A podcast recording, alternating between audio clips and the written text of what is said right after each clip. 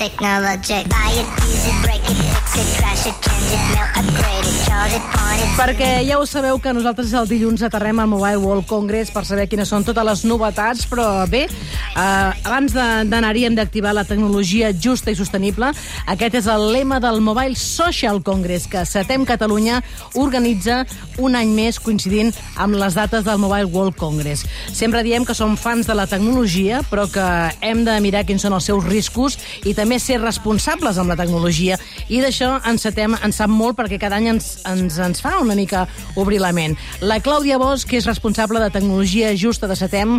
Hola, Clàudia, com estàs? Hola, Mariola, molt bé, gràcies. Ho feu coincidir sempre amb el Mobile World Congress, que vosaltres sempre dieu que no aneu contra la tecnologia, sinó que heu de posar consciència, no? Exacte. Nosaltres oferim un espai alternatiu en el qual volem generar una reflexió entorn als impactes que es generen eh, a partir de la producció d'aparells electrònics. Heu preparat un vídeo que es diu Saps què hi ha darrere del teu mòbil i les dades són força dramàtiques. Primer de tot anem a l'origen, l'extracció de la matèria primera. Per tal de fabricar telèfons mòbils o ordinadors, es fan servir nombrosos metalls com el cobalt o el tàntal, que s'extreu del coltan.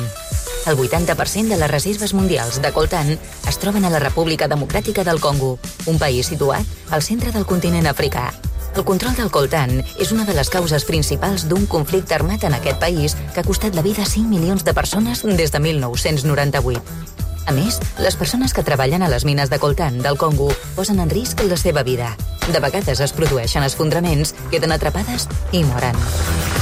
Bé, esperem que això no sigui una cantarella, perquè ja fa molt de temps que se'n parla d'això d'aquests materials, però sembla com que ho estem interioritzant i, i, i, endavant, no? D'on es treuen les matèries per fer els mòbils? Com es fan i com es llencen? Generen moltíssims problemes. Exactament. Uh, el Mobile Social Congress és una activitat més dins de la campanya electrònica justa de CETEM, que, que treballem durant tot l'any.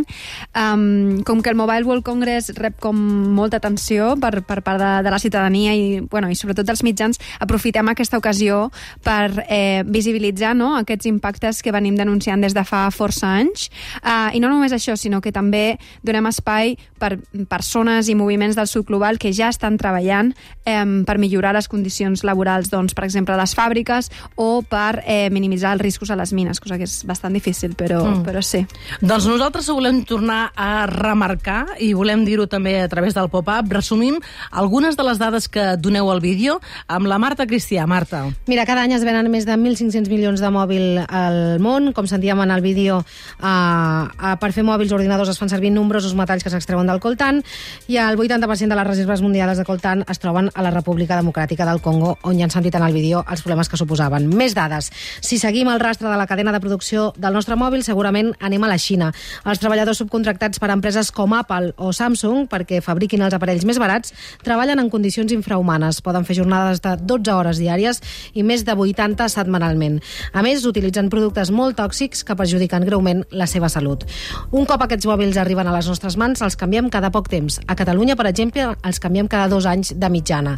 Cada any es produeixen, per tant, 50 milions de tones de residus electrònics que contenen materials pesants com el mercuri o el plom, molt perillosos per la salut i per al planeta. De fet, al Mobile World Congress aquest any estan colant molt la paraula sostenibilitat. Us n'heu adonat d'això, no? Sí, sí, sí. I, bueno, és, és, és una cosa que ens alarma perquè és veritat que bastants de les grans empreses han fet com molta promoció de plans de reducció d'emissions i de transparència a les cadenes de subministrament, però encara no, no ho estem veient uh, efectiu.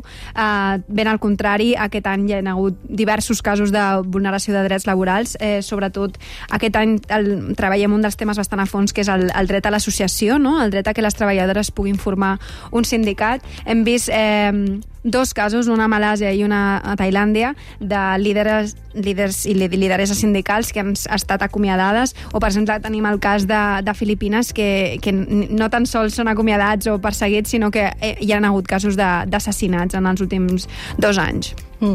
Clar, pel que fa al, al material, un cop prenem consciència d'això, eh, no sé què podem fer per canviar-ho, no? Per exemple, pel que fa a les matèries primeres, existeixen alternatives a aquests materials o una de les respostes hauria de ser reparar més i deixar de construir? Exacte, vas pel camí correcte, perquè a, encara avui és molt difícil saber si el coltant que, està, que, que, que tens al teu telèfon prové d'una mina vinculada a un grup armat o no, perquè al final eh, es barregen diferents minerals als, a, les, a les fonedores i encara avui no sabem exactament de quina mina prové el coltant de cada un dels telèfons. Eh, això és una cosa que s'ha de, s'ha de continuar treballant-hi perquè hem, hem d'augmentar la transparència, no? hem de saber d'on venen uh, aquests minerals. I sí, la resposta és necessitem reparar més, però no només això, necessitem que ens deixin reparar, perquè un dels grans problemes és que les marques molt sovint posen obstacles a la reparació, ja sigui no oferint les peces de recanvis o posant-hi uns preus eh, exorbitants el que fa que el, la consumidor o consumidora digui em surt més a compte canviar-ne i eh, a comprar-ne un de nou. Ara escoltant estava pensant que potser les, els ciutadans hem pres molta consciència amb, amb el sector tèxtil, no?, sobre això. No sé si potser va una mica per davant, el tèxtil cada vegada hi ha més gent conscient de dir no compro això perquè prefereixo que sigui de proximitat i que ho fabriqui aquí. No sé si això acabarà passant amb la tecnologia. És molt difícil que es faci tecnologia de proximitat, no? Jo espero que, que sí que acabi passant. Crec que eh, el fet de que el tèxtil s'hagi pres tanta consciència obre camí. Eh, el que passa és que crec que tenim la tecnologia com posada en un, en un, en un lloc molt... Eh, intangible, no? com si fos una cosa que, que és abstracta i sí. material, però no és veritat, o sigui, al final per tenir accés a internet o per fer funcionar un ordinador necessites la part del, del hardware, no? la, la, la part física. No, I servidors que estan qui sap a on lloc, no? Exacte, tota aquesta part material eh, necess necessària, eh, estem molt desconnectades d'aquesta de, de, realitat. Mm. Vosaltres fa un munt de temps, jo de fet a una de les sessions jo hi vaig ser, vaig moderar una taula molt interessant, fa molt de temps que esteu parlant i que esteu treballant amb això, esteu picant molta pedra i suposo que eh, cada any dieu, a veure, aquest any de què hem de parlar? M'agradaria que expliquéssiu una mica quins experts heu convidat eh, per respondre a totes aquestes preguntes, proposar alternatives al Mobile Social Congress que comença de fet quan acaba, no? Quan acaba sí. el Mobile World Congress, no? Exacte. Ens pots dir un més o menys què hi haurà? Bé, començarem el, el dilluns dilluns eh, amb una acció performàtica davant de les portes del Mobile, com sempre, una mica per portar el nostre missatge eh, al Mobile World Congress. Quin, quina frase serà aquest any? Bueno, hem agafat la... la bueno, és que això és una mica sorpresa, però bueno. Va, va, fes una mica Vinga, va, et faig una mica d'espoiler. Hem agafat la frase mm, del Mobile World Congress, que és Unleashing Tomorrow's Technology Today, and, i la nostra proposta és Unleashing Tomorrow's Collapse Today. Perquè pensem que al final, eh, quan estem apostant tant per aquesta digitalització tan accelerada sense tenir en compte aquests impactes produïts per la, per la producció de, de, de la part material dels dispositius electrònics, um, estem provocant un, un, un, uns impactes molt injustos, no? perquè aquí al nord o a les zones urbanes gaudim molt d'aquesta tecnologia, però som totalment alienes a eh, els danys que s'estan eh, perpetrant a d'altres països. Mm. Sentiu una mica escoltats? Perquè és veritat que cada any aneu a les portes quan obre el Mobile World Congress a, a, a ser visibles, no? I, i, i a dir, vosaltres ho sentiu que us escolten? Bé, nosaltres anem sobretot al mobile, però no dirigint-nos al mobile en si, sinó dirigint-nos a les persones que atenen al mobile, no? que són persones que potser estan muntant startups o noves empreses o que ja que són, que formen part de, la, de les empreses eh, eh, grans i, i la nostra intenció també és posar una mica el nostre missatge. Creiem que, que no tot és blanc o negre dins del sector, no? també hi ha moltes empreses petites amb moltes Clar. ganes de fer coses ben fetes. Um, per tant, jo crec que, que sí, però encara queda camí a recórrer. I si voleu, i si us alineeu amb tot el que estem parlant, amb el que diu la Clàudia Bosch, eh, i voleu participar a partir de dijous 2 de març, eh, reunirà persones expertes d'arreu del món, i el divendres crec que feu un cinefòrum, també, sí, no? Sí, fem un cinefòrum per tractar més la part de fi de vida o residus electrònics. Um, posarem el documental e-life, i després hi haurà una petita tertúlia amb en Robin, que és expert en reparació i reciclatge de dispositius electrònics, i que, bueno, ens presentarà una mica la tensió que hi ha entre, vale, d'acord, aquí al nord no volem reparar perquè ens surt molt car, eh, volem que els països del sud ens reparin, ens ho facin barat, però alhora no estem garantint que, que, que aquests objectes, perquè no m'agrada dir que siguin residus, perquè no sempre són residus, eh, com podem fer que arribin allà i assegurar que són reparats i que no acaben en un, en un abocador, no? Mm. Per tant, les xerrades es podran seguir online o...? Sí, el dia 2 eh, es podrà seguir tot online. Eh, el resta, la resta d'activitats no, però el dia 2 sí, perquè ens agrada mm, convidar tant a gent d'aquí com també gent de fora. Hi haurà interpretació a l'anglès i al castellà, així que convidem a tothom a unir-se a les xerrades i a descobrir una mica els temes que hem presentat aquest any, que són una mica... Eh, les vulneracions són les que venim denunciant des de fa anys, però els casos són actuals de- d'aquest any, passat, 2022. Clar que, malauradament, continuen havent-hi Sí. casos. I precisament dins del Mobile World Congress, la, la taula del tercer sector ha organitzat una jornada per, a, per a donar a conèixer projectes tecnològics amb impacte social, que això també volíem fer un apunt, ja que estem parlant d'això, i també en volem parlar. Et presento l'Adrià Cuenca, que és coordinador del projecte M4 Social de la taula del, se- del tercer sector. Hola, Adrià, com estàs? Hola, què tal, Mariona? Bon dia, gràcies. Bé, volíem que explicar exemples, perquè, com hem dit al Mobile, presentareu tot un seguit d'iniciatives que tenen com a objectiu reduir la bretxa digital en l'accés als serveis socials i millorar el benestar de les persones en situació de vulnerabilitat. Va, repassem no, algunes, no? que això és el que presentareu. Presentareu, per exemple, una aplicació que ajudarà a les persones amb sort ceguesa a comunicar-se amb persones que no coneixen el llenguatge de signes. Com va això? Ah, exacte. Eh, aprofitarem el 2 de març la col·laboració que tenim amb la Fundació Mobile World Capital Barcelona per donar a conèixer projectes que impulsen les entitats del tercer sector i les administracions per reduir la bretxa digital i per millorar la qualitat de vida de les persones en situació de vulnerabilitat. No? Eh, com comentaves, un dels projectes que presentarem eh, està impulsat per la 11 Catalunya i bàsicament el que parteix el projecte és que a partir d'una línia de braille i un teclat eh, permet a les persones amb sordoceguesa comunicar-se de manera còmoda i senzilla eh, amb altres que, persones que no coneixen aquests sistemes eh, alternatius de comunicació. Mhm. Clar, és, és, és interessant, no?, perquè fa temps també vosaltres, mira, una altra gent que esteu treballant molt per fer-ho inclusiu, no?, ara que parlem tant de la bretxa digital. També un altre projecte interessant és el de la tecnologia immersiva per ajudar persones grans. En què consisteix aquesta exactament, Adrià? Exacte, doncs eh, és un projecte del Social Digital Lab de Suara Cooperativa i aquest projecte el que vol és millorar el benestar emocional, físic i cognitiu eh, d'aquestes persones, no? eh, especialment en, en gent gran. I el que és interessant d'aquest projecte és que ha aconseguit demostrar eh, que estimula la ment, desperta les emocions d'aquestes eh, persones i alhora, fins i tot, han pogut veure com redueix els efectes de, de l'Alzheimer i com és capaç de millorar la capacitat de concentració d'aquestes persones que, que, bueno, que poden gaudir, diguem-ne, d'aquest espai dintre de, dels seus centres. I, i escolta, clar, és, és una, una cosa immersiva, però s'ha de fer amb ulleres o no, o, o com ens hem d'imaginar?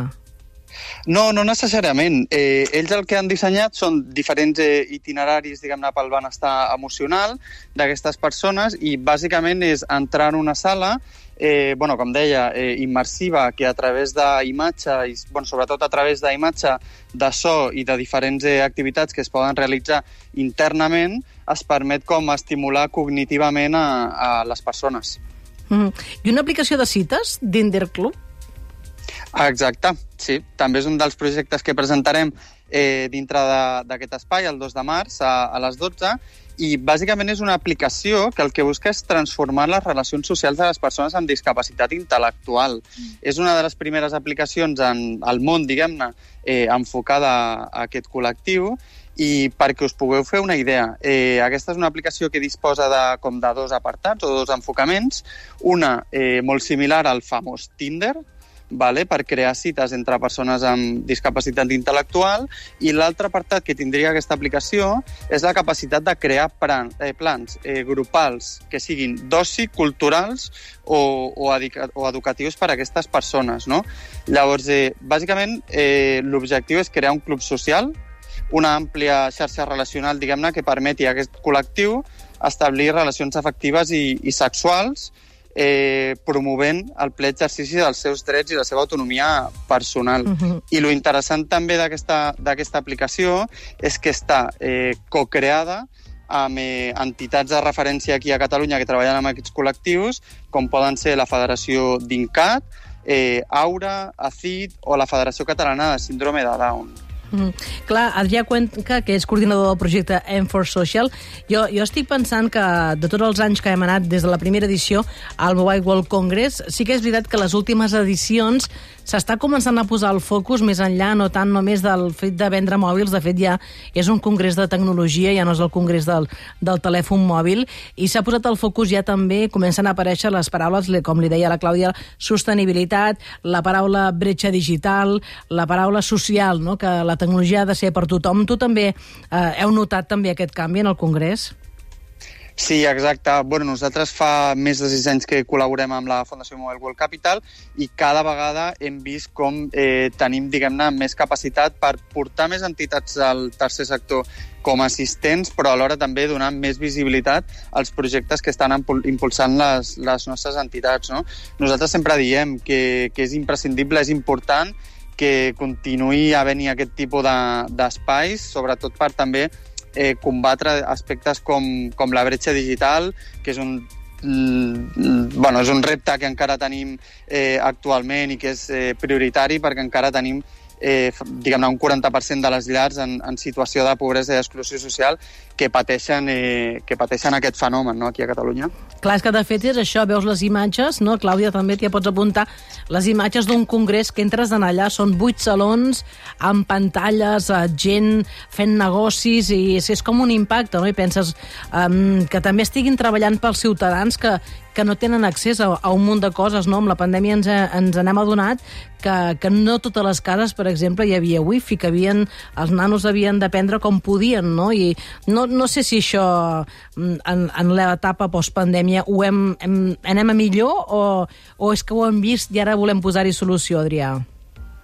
Jo el que percebem nosaltres és que les entitats cada vegada tenen més interès eh, i, i diguem-ne, tenen menys por en com abordar, diguem-ne, aquesta transformació digital, no? I, i evidentment, com deies, eh, bueno, el principal focus és treballar, diguem-ne, per reduir aquestes eh, desigualtats que s'han generat a través de la implantació de les TICs i, i bueno, en línia també amb, amb, el, amb el que deies, presentarem altres projectes de l'Ajuntament de Barcelona, per exemple, que són les oficines virtuals d'atenció social, no? Uh -huh. que, que és un del, dels projectes que presentarem i que treballen per reduir la bretxa digital i per acompanyar les persones en, per superar aquestes barreres que a vegades a l'hora de fer tràmits o de relacionar-nos amb l'administració doncs eh, les persones en, Mhm. ens trobem, no? I, bueno, us convidem a que, a que ens pugueu acompanyar aquest dia 2 i pugueu conèixer tots aquests projectes. Doncs allà serem. Gràcies a Adrià Cuenca i també gràcies Clàudia Bosch de Setem per aquest congrés que feu cada any. Gràcies.